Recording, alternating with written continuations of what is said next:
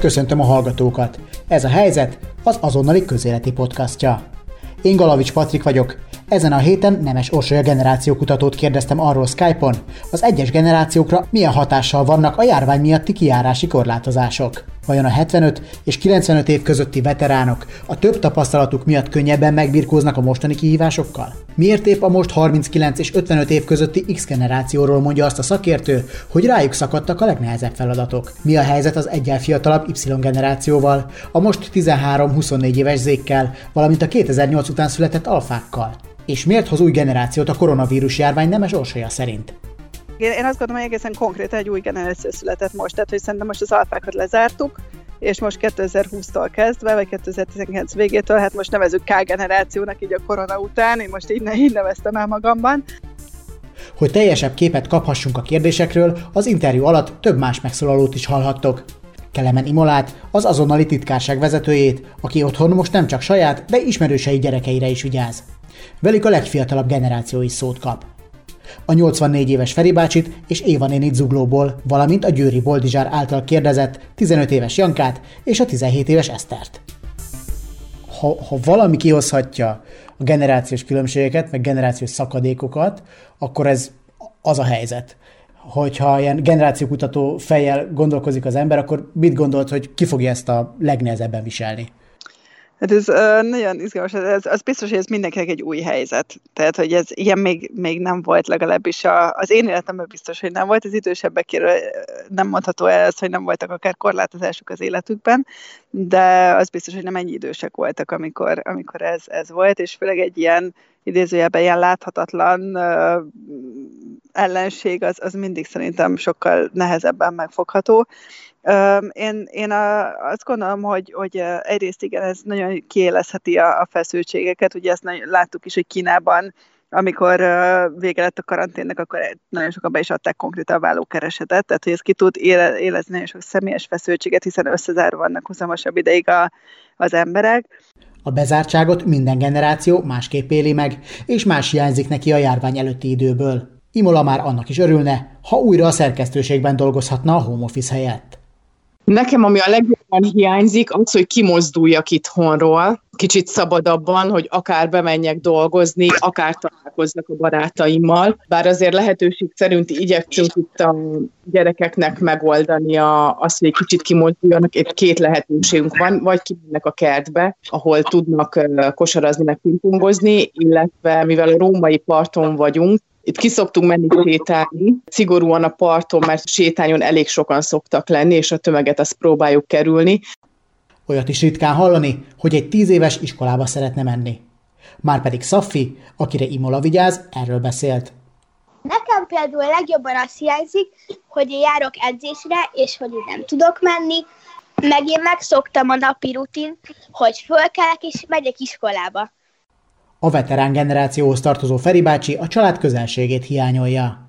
Dédunokám, két dédunokám van, az egyik Hollandiában lakik, a másik Csepelen. Hát amelyik Hollandiában van, azt évente egyszer, ha látjuk, egyébként hetente találkozunk a Skype-on, illetve most már inkább a Messengeren.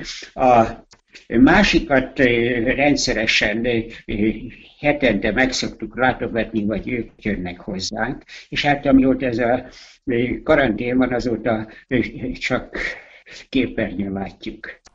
A 17 éves Eszter pedig nem is adhatott volna a mi hiányzik kérdésre tipikusabb választ. Hát az, hogy nem találkozhatok a barátaimmal, így nem bondázhatunk Én, én inkább azon kezdtem el gondolkozni, is az, hogy melyik generáció fogja ezt a legrosszabban viselni, hanem hogy, hogy egy generáción belül milyen élethelyzetekben lehet ezt a, a legrosszabban viselni. Tehát hogy szerintem mindenkinek vannak itt akár pozitív hozadékai is, akár, akár negatív hozadékai, de hogy szerintem az, azt izgalmas vizsgálni, hogy, kik akár a legveszélyeztetettebb csoportok, vagy egy generáción belül milyen reakciók lehetnek. És én erre, erre is indítottam ezt a kis generációk a karanténban sorozatomat, hogy, hogy ezt segítsek így végig gondolni az embereknek, meg hát én is nagyon kíváncsi voltam, hogy milyen válaszok érkeznek, és hát jó, jók jöttek. És na igen, a, a, akiket kiemeltél, hogy talán a legnehezebben érinti őket, azok az X-ek. Miért gondoltad úgy, hogy ők az X-generációs személyek azok, akiket a legnehezebben érint ez az egész? Igen, szerintem egy ilyen nagyon-nagyon tehát, hogy akik ilyen durvásokat kaptak, azok szerintem tényleg az X-ek. Egyrészt azért, mert hogy nekik, ők, ők ugye abban a, a, az életkorban vannak, de ja, egyébként eleve így, így érdemes definiálni, hogy az X-ek azok, akik most 39-65 év között vannak, csak hogy mindenkinek uh, ugyanaz legyen a fejében. És ugye ők azok, akik uh, családfenntartók, általában már viszonylag nagyobbak a gyerekei, tehát hogy nem óvodások, bölcsödések, és nagyon sokszor akár az idősebb szüleikről is gondoskodniuk kell, tehát hogy ők, ők egy ilyen prés helyzetbe kerültek most, mert hogy amellett, hogy, hogy home kell, ugye, már ha tudnak egyáltalán home mert nagyon jól tudjuk, hogy rengeteg munkahely mondjuk megszűnt, vagy egyes, egyes iparágokban meg kb. kétszer annyit kell dolgozni, mint előtte, de hogy amellett, hogy ők, ők próbálnak valahogy fennmaradni a vízfelszín fölött, emellett most hirtelen tanárrá is kellett válniuk, hiszen a gyerekeiket kell támogatniuk tulajdonképpen az oktatásban, úgyhogy mindeközben a családi asztal, az ebédlőasztal az, az akár a, az irodájuk is egyben, meg a, az oktatóterem is, és akkor ennek a tetejébe jön még a háztartás, meg az, hogy még valahogy az őszüleikre is gondoskodniuk kell. Habár Imola csak határán van az X generációnak, de a szakértő által leírt nehézségekről bőven vannak tapasztalatai. Igazából a legnehezebb, hogy gyakorlatilag egy nap alatt kell mindent megoldani, öt gyermekkel vagyok, egynek van uh, kionállóan tanult, tehát gyakorlatilag három gyermekkel kell tanulni, ami nagyon nehéz, mert ahány gyerek, annyiféle felület. Emellett van egy óvodás, és akkor emellett kell ugye az étkezés naponta ötször megoldani a gyerekeknek, a takarítás, plusz még a, az itthoni munka. Minden válságnak megvannak a maga nyertesei. Szerinted ebből a szempontból most az idősebb generáció, és értem itt ezzel alatt a boomereket, az X-eket, akiknek Igen. adott esetben a, a digitális világ az kevésbé volt ö, ismerős, ők tanulhatják ebből talán a legtöbbet, ezzel egyetértesz? Mert hát ugye ott vannak a zék, a, a, meg az én generációnk, vagy a mi generációnk, az Y generáció, 81-95 között születettek, meg uh-huh. a mhm. nálunk is fiatalabbak. Nekünk azért ezek a dolgok annyira nem voltak idegenek, és talán akkor a változást azon túl persze, hogy uh, itthon kell ülnünk, akkor hát nem hozott az életünkbe, mert hát Skype-on most beszélgetünk, de szoktam én is Skype-on beszélgetni már ezen kívül is, meg gondolom te is. Igen, uh, nekünk persze. ez nem volt valami, valami nagyon döbbenetes váltás ilyen szempontból. Ellenben tényleg, akik, akiknek, akiknek most kell beleszokni, és jól szoknak bele, talán ők, ők nyertesei lehetnek ennek az egésznek. Abszolút, és szerintem ilyen technológiai szempontból ez egy nagyon-nagyon pozitív helyzet, hiszen, hiszen itt rá vagyunk kényszerítve, szerintem ez most egy ilyen világszintű kísérlet kb., ami itt zajlik, Um, úgyhogy ez biztos, hogy, hogy most azok is rá vannak kényszerítve a technológia használatára, meg alternatív utak keresi, keresésére, akik eddig így jól el voltak a langyos vízben. Uh, mondjuk szerintem azért az nagyon durva a helyzet, amiben akár a tanárok kerültek, hogy egy, egy hétvége alatt tulajdonképpen nekik most, most uh, digitálissá kellett válniuk. Ezt a saját példámon is látom, vagy hát anyukám példáján is alsós tanító, és egy hétvége alatt gyors talpalóztuk, hogy egyáltalán milyen platformok vannak, melyiken mit lehet csinálni, hogyan lehet csinálni, pedig ő is tud Skype-olni, meg WhatsApp-olni, meg mi egymás, de hogy az ez teljesen más minőség, amikor neked hirtelen tanítanod kell ezeken a csatornákon. Uh, úgyhogy ez az egyik. A, a másik viszont, ami, ami miatt szerintem nagyon érdekes, és ezt mondjuk itt a, a zéket hoznám föl, hogy nekik pedig az lehet nagyon érdekes tapasztalat, hogy eddig ugye az, az online élet kiegészítette az offline életet, tehát hogy volt egy közösségi tére, hova ők bementek, volt mondjuk egy osztályterem, egy uh, edzőcsapat, akikkel együtt, együtt jártak mondjuk edzeni, vagy, vagy együtt zenéltek, vagy bármi volt, és hirtelen ez most így el lett vágva. Tehát, hogy nekik meg szerintem az mondjuk nagyon jó tanulás, vagy nagyon, nagyon, nagyon jó kontraszt, hogy ha hirtelen minden online költözik, akkor mi lesz vajon az offline kapcsolatokhoz? Kellenek egy, egyet az offline kapcsolatok ahhoz, hogy, hogy online is ugyanolyan minőségben lehessen mindezt megélni. Tehát szerintem ennek is ilyen több oldala van. Hát akik ezékkel én beszéltem, meg akár alfákkal, ők gyakorlatilag mind kiemelték, hogy nagyon hiányoznak nekik a, a barátaik. Erről Szafi is beszélt. Picit más, hogy élőbe vagyok a barátaimmal, a suliba, meg hogy is Skype-on, meg Zoom-on beszélünk. Kettő naponta szoktunk így sokat beszélni, de próbálom velük tartani a kapcsolatot, mert néha a barátaim miatt érzem jól magam a karanténban. Igen, és ez nagyon, azért is tartom ezt nagyon érdekesnek, mert ugye eddig mindig azt mondtuk, hogy fú, hát mindig online vannak, és nem is akarnak offline beszélgetni, mert nincs is szükségük ezekre a kapcsolatokra, és szerintem pont ez az időszak mutatja meg, hogy igenis nekik is kiemelten fontos az, hogy a valós életben is legyenek találkozásaik. Szerinted milyen élményekhez nyúlhatnak vissza az egyes generációk, amikor megpróbálják kezelni a bezártságot, a karantént, a kiárási tilalmat, Hát ugye a veteránoknak vannak szerintem meg a baby boomerek talán még így a legélőbb emlékeik így ezzel a, ezzel a témával kapcsolatban azért uh, ugye a veteránok sokszor még a Lego pincében ücsörögve ültek bezárva, ahol azért néha én is elgondolkodom, hogy azért két kisgyerekkel, úgyhogy a férjem közben próbál itthon dolgozni, azért ez, ez egy, ez egy jó, jó helyzet lehet, de hát, hogy nekünk legalább van internetünk, kimehetünk a boltba, van egy kis kert darabka, ahova így kimehetünk, tehát hogy azért ez teljesen más, mint amikor tényleg bombáztak az ember feje fölött, és a, a, azt se tudtad, hogy hol a férjed, mert valahol a fronton van, és közben két pici gyereket kellett nyugtatnod, tehát hogy vagy így perspektívába lehet ezeket a, a dolgokat helyezni, úgyhogy szerintem nekik azért bőven van egy, vagy, amikor ugye elértéktelenedett mondjuk a pengő, az is egy, az is egy ilyen ö, érdekes helyzet lehetett, hogy, hogy talicskával tolták a piacra a pénzt, ugye mert vannak erre jó kis legendák, és akkor lehetett belőle két doboz tojást venni, mire odaért az ember, mert ugye most is látunk egy ilyen inflációs ö, trendet.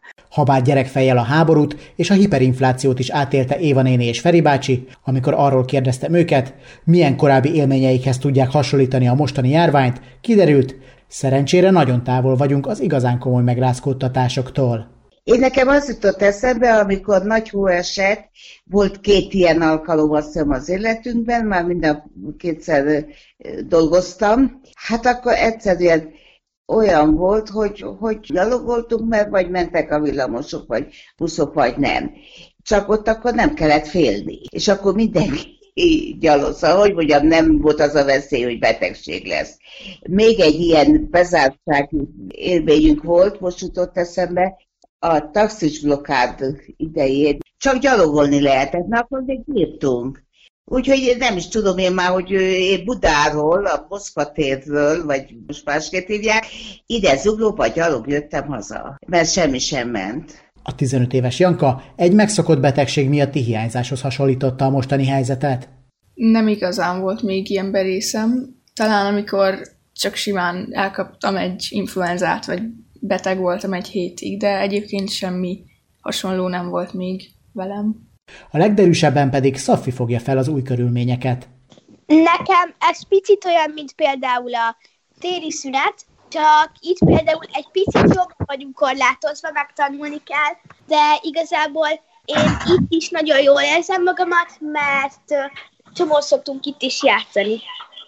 Amikor elkezdődtek ezek a nagyon nagy bolt kifosztások, hogy hirtelen mindenki WC papírt, meg, meg lisztet, meg cukrot, meg olajat kezdett el raktározni, hogy azért nagyon jellemző volt erre, vagy jellemző akár erre a generációra az, hogy, hogy ők tényleg, tényleg raktározgattak így folyamatosan, hiszen ők többször megélték azt, hogy hirtelen, hirtelen nem lesz semmi és, és amúgy pont azon gondolkoztam, hogy nagyon sok mindenki, aki most nem ebbe a korosztályba tartozik, de ugyanúgy elkezdett így hörcsög módjára felhalmozni nagyon sok mindent, nekik, nekik ez, ez nem is akár saját élményként jött át, hanem ugye az idősebb nemzedékeknek a történetein keresztül tanulták meg ezeket, hogyha ha bizonytalanság van, akkor gyorsan fel kell halmozni, mert nem lehet tudni, hogy mi lesz.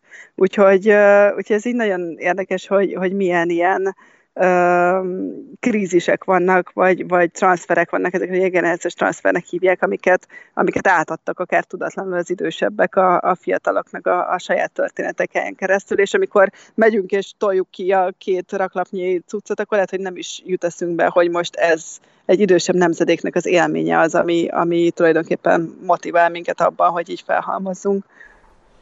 Igen, ez érdekes volt, én is beszélgettem idősebbekkel, ők konkrétan ugyan nem halmoztak fel így különösebben mm-hmm. így élelmet, meg nem fosztották ki a, a szupermarketeket, de én ebbe az egész dologba azt nem értettem, hogy miért vesznek az emberek annyi lisztet, és akkor, és akkor engem az idősebbek letorkoltak, hogy hát azért, mert otthon akkor kenyeret sütsz, de mondom, ki áll neki kenyeret süt, ki áll neki majd Igen itt kenyeret süt, és mondta, hogy dehogy nem, hát nekiállnak az emberek kenyeret sütni, úgyhogy most megnézném egyébként, hogy azzal a, a aki föl, föl, föl, fölhalmozott mondjuk 30 kiló lisztet, az, az most valóban nekiállt otthon kenyeret sütni, de egyébként láttam a Facebookon már egy-két ismerősömet, aki, aki tényleg belefogott, úgyhogy, úgyhogy ebbe csak van valami. Hát mi, egyébként mi is szoktunk, mi is nem kenyeret, hanem zsömlét, meg kalácsot szoktunk sütni, és nálunk ez így régóta ö, megy, tehát hogy mi egy-két heti rendszerességgel szoktunk így sütni, úgyhogy én, én már ezt megtanultam, hogy hogy kell, de én is ezen gondolkoztam, hogy most megy ez a nagy kovász nevelgetős trend, meg sok-sok egyéb.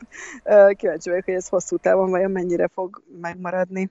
Az mennyire volt törvényszerű szerinted? Most már talán szerencsére kevésbé jellemző, de az azonnal is, azonnal mi is foglalkoztunk vele, hogy e, főleg két héttel ezelőtt még, még bőven ment, hogy úgy mondjam, egy ilyen öregezés, hogy igen, minek mennek nyuggerezés. Ki, igen, igen, minek megy egyáltalán ki az utcára, hát miattuk van ez az egész, hogy, hogy ők életben maradhassanak és ne fertőződjenek meg. Ez, ez mennyire volt kódolva szerinted ebben az egészben? Hát szerintem ezt egyrészt fontos látni, hogy, hogy általában, amikor ilyen veszélyhelyzet van, akkor hirtelen van egy mi, meg egy ők, és sokkal könnyebb hibáztatni valakit, meg valakire iránykedni az egészet. Ez ilyen feszültségoldó hatás is, tehát ez egy teljesen természetes reakció egyébként, hogy bűnbaknak megteszünk valakit, akár egy generációt. Ezt békeidőben is láttuk, hogy egy-egy generációt bűnbaknak megtesznek, de nagyon sokan egyébként nem tudják, hogy a, az idősebb, tehát a 65 feletti korosztálynak a nagy része, ők egyébként a 65 feletti korosztály egyébként a 20%-át teszik ki a magyar társadalom társadalomnak, tehát hogy azért ez egy elég tetemes szám, és nagyon sokan nem tudják, hogy, hogy az időseknek a nagy része az egészen konkrétan egyedül él. Tehát, hogy nem, nem is nagyon számíthatnak segítségre, és egyébként iszonyú érdekes, hogy pont most fejeztünk be egy, egy kutatást a, egy, egy biztosító cégnek, ahol, ahol erről is beszéltünk, vagy ezt is néztük, vizsgáltuk, hogy, hogy az idősebbeknek milyen lehetőségek vannak egyáltalán, és így az, az teljesen egyértelműen kijött, hogy nagyon-nagyon beszűkült Magyarországon a, a szociális hálójuk. Tehát, hogy a szociális háló nagyon sokszor akár csak a családot jelenti, főleg olyan helyzetben, amikor segítségnyújtásra van valakinek szüksége, vagy segítségre van valakinek szüksége. Éva néniéket szerencsére elkerülték a goromba megjegyzések, bár ők saját bevallásuk szerint ritkán mennek ki az utcára. A fiatalabbak segítőkészsége pedig nem lepte meg őket. Nem lepett meg, mert én reméltem, hogy számíthatunk a gyerekeinkre, de hogy mondjam, itt a kerületben, Zuglóban szerveztek is ilyen ellátássegítést, nem tudom pontosan kicsoda az önkormányzattól. És ugye belegondolunk, hogy, hogy nagyon sokan tényleg ö, ott vannak teljesen egyedül, hát szerencsétlennek muszáj kimenni és megvenni a, a napi betevőt. Arról nem is beszélve, hogy ha nincsen tényleg kiterjedt szociális háló, akkor ez, ez, hogy elmegyek otthonra és intézem a dolgaimat, ez igazából egy életstílus is, vagy egy életmód is, hogy itt teljenek a napok és történjen valami. Úgyhogy mindenkinek át kell szerintem ebben állni, és ez, ez egy nagyon jó lehetőség. Én azt gondolom arra, hogy sokkal jobban odafigyeljünk a szomszédainkra, meg arra, akik ott vannak körülöttünk, és, és segítsünk, ahol tudunk. Egyébként én ezt, ezt nagyon úgy érzékelem így a, a, a jelenlegi helyzetben, hogy, hogy azért nagyon sokakból ez a segítségnyújtást hívta elő ez a, ez a helyzet, és így a, tényleg a föld alól így a semmiből igazából kinyúltak, kinyíltak iszonyatosan jó kezdeményezések, és van, van azért ennek szerintem jó, jó oldala, kérdés, hogy ez mennyire ez tartós. Melyik generáció lepett meg abból a szempontból, hogy most te is említed a, a segítségnyújtást, hogy valóban a, a, egy, egy hét után szerintem teljesen átalakult az egész, és, és egyre több olyan kezdeményezés nőtt ki a, a földből, ami, amik tök jók, tehát akár önkormányzatoktól, akár civilektől, Igen. és nem csak a városokban, itt én most egy relatíve kisebb településen vagyok, itt is egyház szervezi azt, hogy időseknek vásároljanak be. Mit gondolsz, hogy melyik generáció volt az, amelyik leginkább ilyet elindítatott, melyik a legszolidárisabb generáció, hogy, hogy akkor itt fogalmazzam meg? Hát ez szerintem nagyon nehéz így. Azért nehéz kiszűrni, mert általában ezek közösségi médián is szerveződnek, és a közösségi médiát azért a részben így a X, YZ generáció használja most. Tehát, hogy, hogy ezért, ezért is nehéz most, hogy ez így honnan jön meg, mint jön meg, hogyan jön. De én, én azt látom, hogy ez, egy, ez nem is feltétlenül annyira generációra lebontható, hanem hogy ez, ez egy ilyen általános azonnali reakció volt nagyon sokaknak, hogy oké, okay, ez a helyzet, és akkor én hogyan tudok segíteni. Úgyhogy ebben nem biztos, hogy ki tudnék egy konkrét generációt emelni. Akkor ebben össztársadalmilag teljesítettünk kiválóan. Én azt gondolom, hogy igen, én, én most nagyon büszke vagyok a magyarokra ilyen szempontból. És igen, ez a, ez a kérdés, hogy mennyire lehet tartós, ami leginkább annak a kérdése, hogy mekkora sokkért minket, és mennyire tudunk átvinni e, dolgokat majd a, a normál életbe, hogyha az visszaáll. Hát már ha visszaáll egyáltalán, mert hogyha hihetni lehet, ilyen hinni lehet a szakértőknek, akkor már semmi nem lesz olyan, mint a korona előtt. Tehát, hogy itt gazdasági, társadalmi, politikai, nagyon sokféle változás jön, én azt gondolom a következő időszakban, ami nem biztos, hogy azt fogja visszaállítani, ami előtte volt. Tehát, hogy könnyen lehet, hogy ez már nem ugyanez a sín lesz, amire visszaáll a vonatunk. Igen, ilyen véleményeket elég sokat lehet olvasni, és akkor ezek szerint egyetértesz azzal, hogy, hogy ez egy olyan válság, mint amilyen volt már a történelemben elég sok, ami, ami átalakítja a társadalmat. Hogyha most csak a, mondjuk a fekete halálhoz nyúlunk vissza a 14. században, az például egy olyan, olyan válság volt, amiről ö, utólag már látjuk, hogy a feudalizmust rengette meg, mert sokkal kevesebben tudtak dolgozni, nagyon sokan meghaltak, és sokkal kevesebben tudtak dolgozni, ellenben akkor így a jobbágyoknak több követelése lehetett, és ez szépen lassan erodálta így a, a, a feudalizmust, és elvezetett Nyugat-Európában legalábbis szépen lassan a, a bukásához, hogy akkor ez szerinted akár mondjuk egy 50-100 év múlva nagyon hasonlóan nézünk majd vissza ezekre az időkre? Könnyen lehet. Én azt gondolom, hogy ez, ez biztos, hogy nagyon sok változást fog magával hozni, és egyébként én azt gondolom, hogy, hogy ez egy teszt is olyan szempontból, hogy, hogy most uh, igazából az emberiséget kicsit így próbára teszi a biológia is olyan szempontból, hogy, hogy hogyan tudunk egy ilyen kényszerhelyzetben akár összefogni, cselekedni, kicsit letisztítjuk azt, hogy mi az, ami valóban fontos, mi az, ami nem fontos, mi az, ami fenntartható, mi az, ami kevésbé fenntartható. Tehát könnyen lehet, hogy ez most egy ilyen előjátéka annak, hogy, amiről nagyon a 2019-es év szólt például, hogy mondjuk akár a, a klímakatasztrófát hogyan tudjuk megakadályozni, hogyha konkrét intézkedések vannak, és az emberek tartják magukat ezekhez az intézkedésekhez. Tehát, hogy ennek én azt gondolom, hogy ilyen jellegű hosszú távú következményei is lehetnek, de azt is gondolom, hogy ezek a krízisek azok, amik meghatározzák a generációkat, ezek, ezek a krízisek, ezek nem mindig negatívak, tehát hogy nem kell mindig egy háborúra gondolni, vagy egy járványra, mert például a technológiai forradalom az is egyfajta krízis volt, ami teljesen átalakította a kommunikációs szokásainkat, nem, nem folytott egy csepp vér se, de átalakította a szokásainkat, és én, én azt gondolom, hogy olyan szinten lesznek jelentősek ezek a társadalmi, politikai, gazdasági, meg technológiai változások, amik így a jövőben történni fognak, hogy szerintem 2020-tól kezdve konkrétan egy egészen új generáció is születik. Tehát, hogy most már szerintem nem hat, hanem hét generáció fog egymás mellett, vagy hát él most már egymás mellett.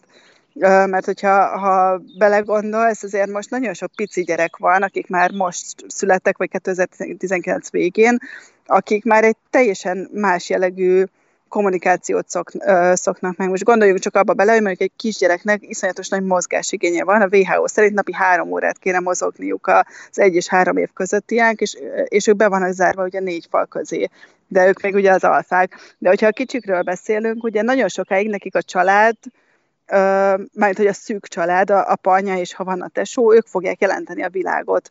Ki tudja, hogy meddig tartanak ezek a, a korlátozások, és hogyha mondjuk nem tudom, akár csak néhány hónapig vagy fél évig tartanak, akkor például ez egy nagyon jó kérdés szerintem, hogy, hogy mi fog történni, amikor hirtelen kinyílik a világ, amikor hirtelen megint lehet menni szabad levegőre, amikor lehet menni parkba rendesen, úgyhogy nem kerülgetjük az embereket, amikor végre nem képernyőn látják a nagymamát meg a nagypapát, hanem oda mehetnek, és, és a karjaikba, karjaikba vehetik az unokájukat. Tehát, hogy egy nagyon érdekes helyzet lesz szerintem itt. Arra is beszélve, hogy a családok is megváltoznak ugye körülöttük szerintem. Tehát, hogy könnyen lehet, hogy ezek a karanténok ugye ilyen rendszeresek lesznek, ugye erről, erről is, erre is vannak, vannak előrejelzések, úgyhogy ez is könnyen lehet, hogy ők már csak így megrántják a vállukat, hogy na, még egy ilyen kör, de tényleg óriási kérdés, hogy a fejlődésükre ez milyen hatása lesz, akár biológia, akár pszichológia, akár szociális szempontból. Azt mondod tehát, hogy elsősorban az alfáknak lehet egy ilyen meghatározó generációs élmény, amit most átélnek? Nem csak, én, én azt gondolom, hogy egészen konkrétan egy új generáció született most, tehát hogy szerintem most az alfákat lezártuk, és most 2020-tól kezdve, vagy 2019 végétől, hát most nevezük K generációnak így a korona után, én most így, így neveztem el magamban, de hogy én azt gondolom, hogy ez most egy teljesen újfajta generáció lesz, főleg azért is, mert ugye az, az a sok-sok változás meg intézkedés, amiket most élünk át, és amiket most fognak hozni, az aztán radikális hatással lesz az ő életükre is. Tehát, hogy lehet, hogy nekik már mire ők eljutnak az oktatási rendszerbe, egy teljesen kiforrott digitális tudással kiegészített oktatás lesz, ami, amivel ők tanulni fognak. Tehát, hogy szerintem ennek nagyon hosszú távú következményei lesznek ennek a karanténnak, ami, ami az ő mindennapjaikat meg fogja most is, meg később is határozni. Hogyan alakíthatja még egyébként, most én már így 30 évesen nem annyira hiszek benne, hogy én olyan nagyot változnék, de az, az aki, de ezt lehet, hogy tévedek persze, de hogy az, aki mondjuk most alfa, tehát mondjuk 12 év alatti, vagy ahogy most mondod, hogy akár, Igen. akik most születnek, lehet, hogy ez egy fegyelmezettebb generáció lesz ezáltal? Könnyen lehet egyébként, az, azt is el, el, tudom képzelni, hogy, hogy ez, ez, hogy ugye azért most soha nem látott, mindig ugye ott van az állam, ami így belenyúlik az ember életébe, de hogy most soha nem látott módon érzékeljük ezt, hogy, hogy egy nap hoznak egy intézkedést, és akkor hopp, másnap már nem mehetsz ki, vagy már nem vásárolhatsz 9 és 12 között, hogyha nem vagy egy bizonyos ö, korosztályhoz tartozó ember. Tehát, hogy, hogy ezek most nagyon ilyen kézzelfoghatóak lettek ezek az rendelkezések, és ezek olyan szabályok lettek, amiket kb. így mindenkinek nincs más választása, mint betartani. Nyilván vannak eh, szigorúbb, meg kevésbé szigorúbb szabályok is ezek között, de hogy könnyen lehet, hogy, hogy ez egyfajta fegyelmezettséget fog hozni akár a fiatalabb rész, fiatalabbak részéről is, hogy ja, jó, akkor most ez a helyzet, és akkor most ez a drill, akkor, akkor tudom, ez kb. mintha amikor begyakoroltatják, hogy ha földrengés van, akkor hova kell állni és akkor meg se rebben már a szemük a fiataloknak, amikor földrengés van, mert szépen beállnak az ajtófélfa alá, mert tudják, hogy akkor ez a dolguk. Tehát, hogy, hogy lehet, hogy ez is, ez is uh, így lesz. De nyilván ezek talál, találgatások, csak mert még nem véletlenül szoktuk visszamenőleg meghatározni a generációkat. Viszont, hogyha egy kicsit még így még találgatunk, akkor ez, ez a fegyelmezettséghez én azt gondolnám, hogy a, a mi generációnk az Y, uh-huh. meg a Z, az nehezebben lesz hozzászoktatható. Az is lehet, ugye nem mindegy, hogy mikor találkozik. Ugye a zék az kifejezetten egy ilyen lázadó, képlékeny korszakban vannak most, ők, ők ugye tinédzserek, most az, a, az az új nevük, hogy karantinik egyébként.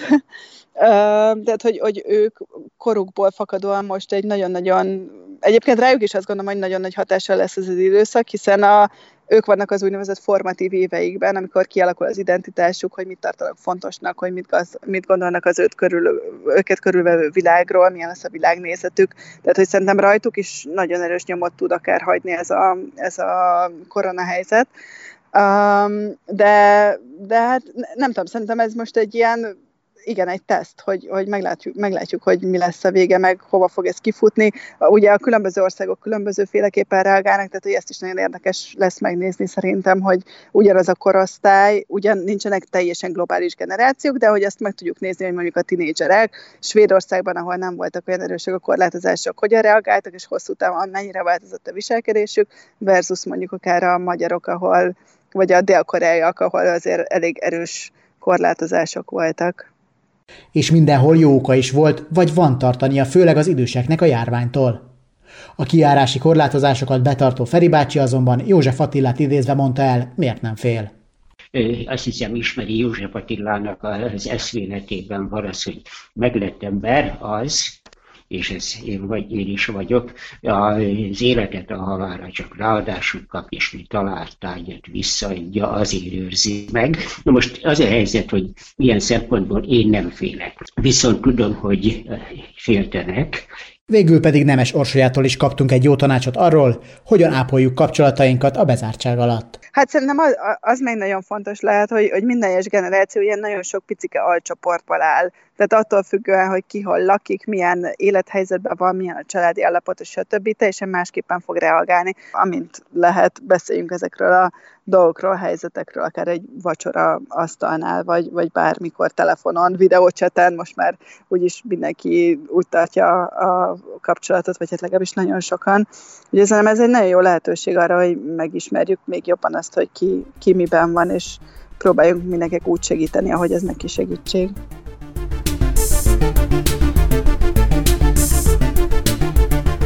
Ez volt ezen a héten a helyzet. Ne felejtsetek el feliratkozni Spotify-on, a Google Podcast felületén és iTunes-on, ahol értékelni is tudjátok a podcastot. Valamint kövessétek az azonnal itt Facebookon, YouTube-on és Instagramon, illetve iratkozzatok fel hírlevelünkre, a reggeli feketére. Az én oldalamat is megtaláljátok Facebookon, ahol örömmel veszem az üzenetben küldött témajavaslataitokat. Galavics Patrikot hallottátok, a figyelmeteket megköszönve búcsúzom, a viszont hallásra!